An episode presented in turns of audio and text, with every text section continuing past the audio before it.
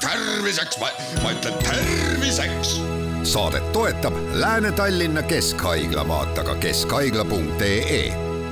tere, head Kuku kuulajad, eetris on saade Terviseks ja kui me eile rääkisime pühade ajast erakorralises meditsiinis, siis tänasel teemal jätkame, aga teeme juttu sellestki, millised õnnetused juhtuvad kõige sagedamini just aastavahetusel ja kuidas neid siis vältida. mina olen Ingela Virkus ja koos minuga on stuudios Lääne-Tallinna Keskhaigla juht ja erakorralise meditsiini arst Arkadi Popov, tere taas! tervist! Aastavahetus on lähenemas, jõulud on läbi, millised on siis need kõige sagedasemad õnnetused, millega erakorralise meditsiini just jõutaksegi aastavahetusel? no jah, klassikaline probleem on kahjuks alkoholi liigtarbimine, millega me tõesti näeme vaeva iga aasta. Ja erakorralise meditsiini osakond tavaliselt aastavahetusel, ma pean ütlema, et praktiliselt kõik meedikud, kes peavad aastavahetusel valvama, nad kõigepealt ei taha seda päris raske leida inimest, kes tuleks valvesse aga kõik, kes seda on kunagi kogenud, ütlevad, et erakorralise meditsiini osakond on noh, täis neid inimesi, kellel on alkoholist tingitud probleemid, mürgistused, neid on hästi palju ja see on üks needus meie jaoks. teiselt poolt teine probleem on traumad ja noh, me teame, sellega tegelikult peaks vist ikka võidlema aktiivsemalt, need on siis erinevate ilutulestikude kasutamine ja, ja sellest äh, tingituna võivad tekkida erineva raskusega traumad. Äh, noh, vähe sellest, et meie koerad, kassid ja kõik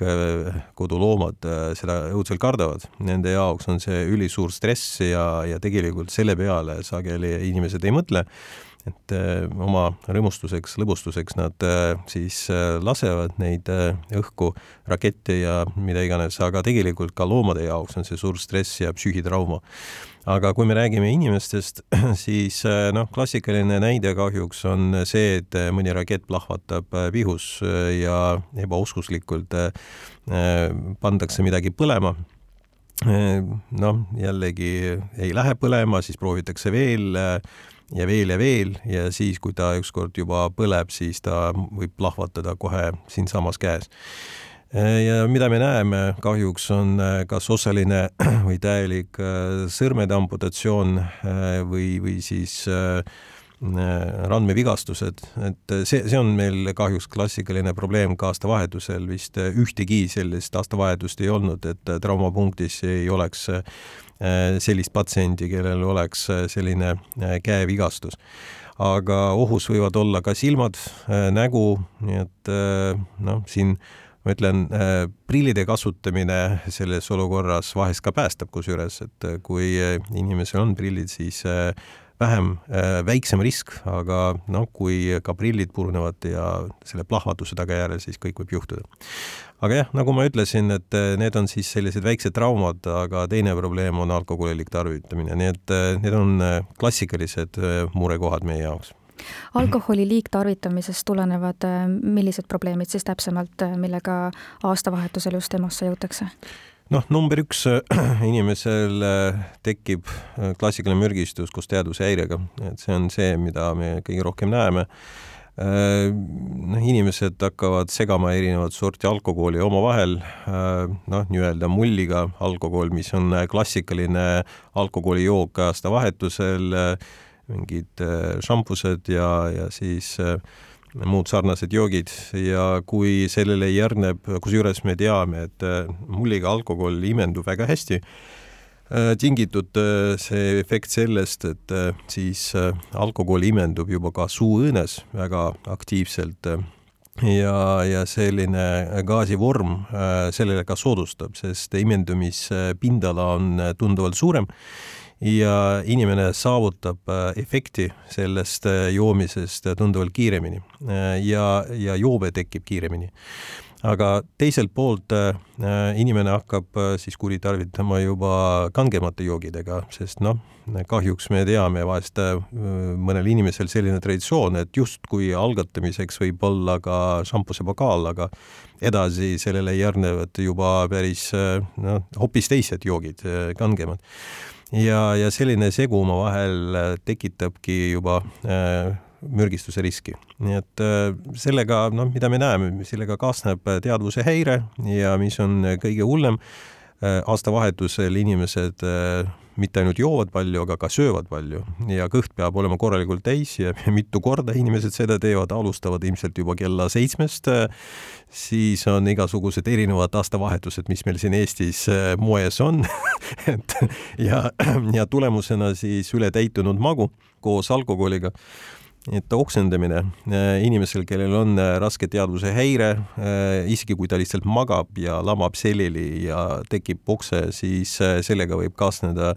meditsiinikeeles aspiratsioon või lämbumine ja, ja tulemusena noh, päris fataalne probleem, nii et inimesel võib tekkida kas kopsupõletik, mis on tingitud sellest, et oksemassid satuvad kopsudesse, bronhidesse, kõige hullemal juhul inimene lämbubki ja see on surmav. et äh, sellega, noh, kuidas me seda saame vältida, kuidas profülaktikat saab teha, noh, mõistusega peab lähenema äh, nendele äh, asjadele ja ka ikkagi alkoholi tarbida mõõdukalt, toiduga ka, mitte äh, siin üle pingutada, et need, need, need on klassikalised soovitused, eriti kui inimene teab, et ta ei oska väga hästi ennast kontrollida, siis pigem mitte osta juba kolmekümnendal, kolmekümne esimesel detsembril liiga palju alkoholi koju. Nii et mida vähem seda kodus, seda rahulikumad on pühad ja, ja ohutumad nad on kui palju te seda aastavahetusel näete, et äh,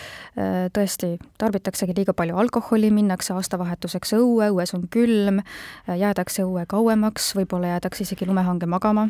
ja siis äh, jõuab teieni ühel hetkel alajahtunud inimene. hea on, kui ise jõuab, on ju, aga teinekord kutsutakse välja kiirabi siis just sellisele inimesele. jah, kahjuks iga aastaga see juhtub ja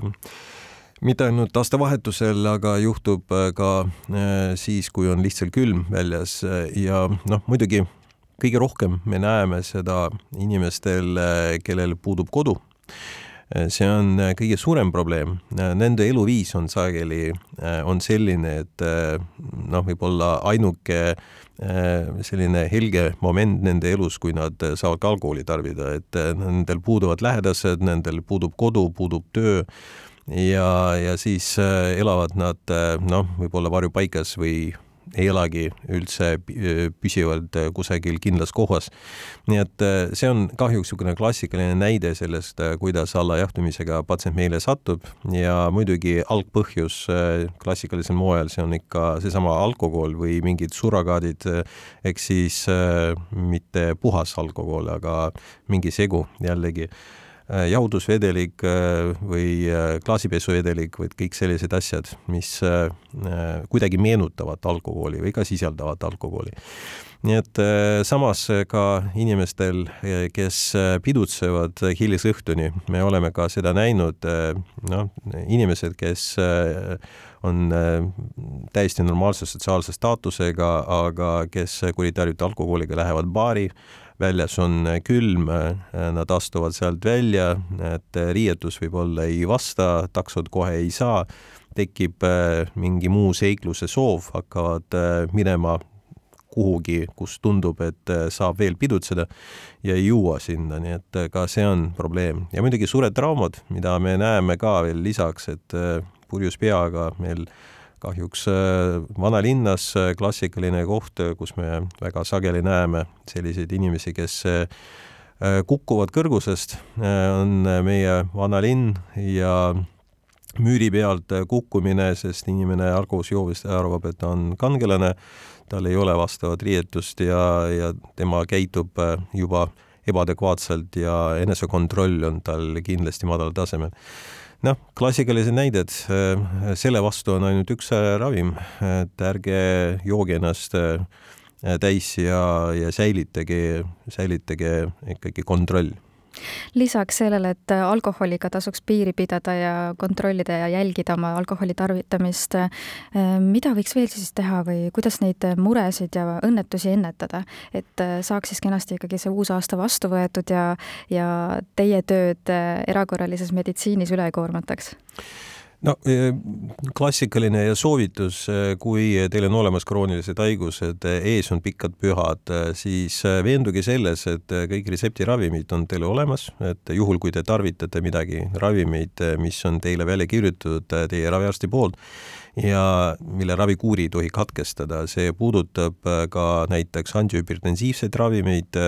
vererõhu vastu, see puudutab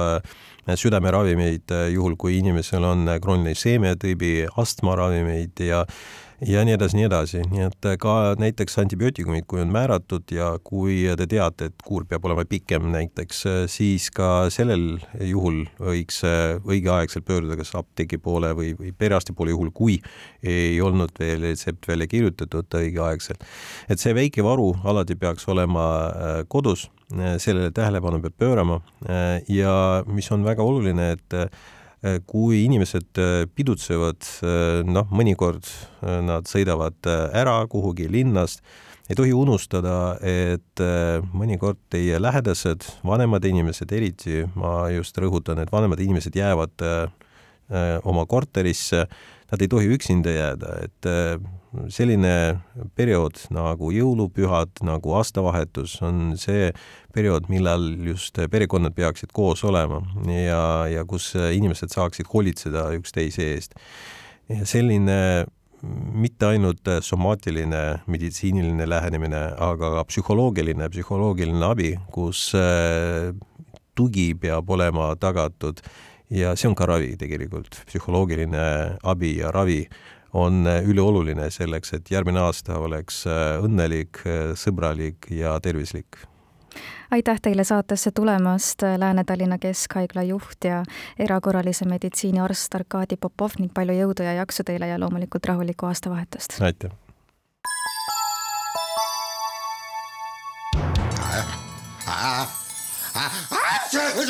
Terviseks, ma ütlen terviseks. Saadet toetab Lääne-Tallinna Keskhaigla, vaata ka keskhaigla.ee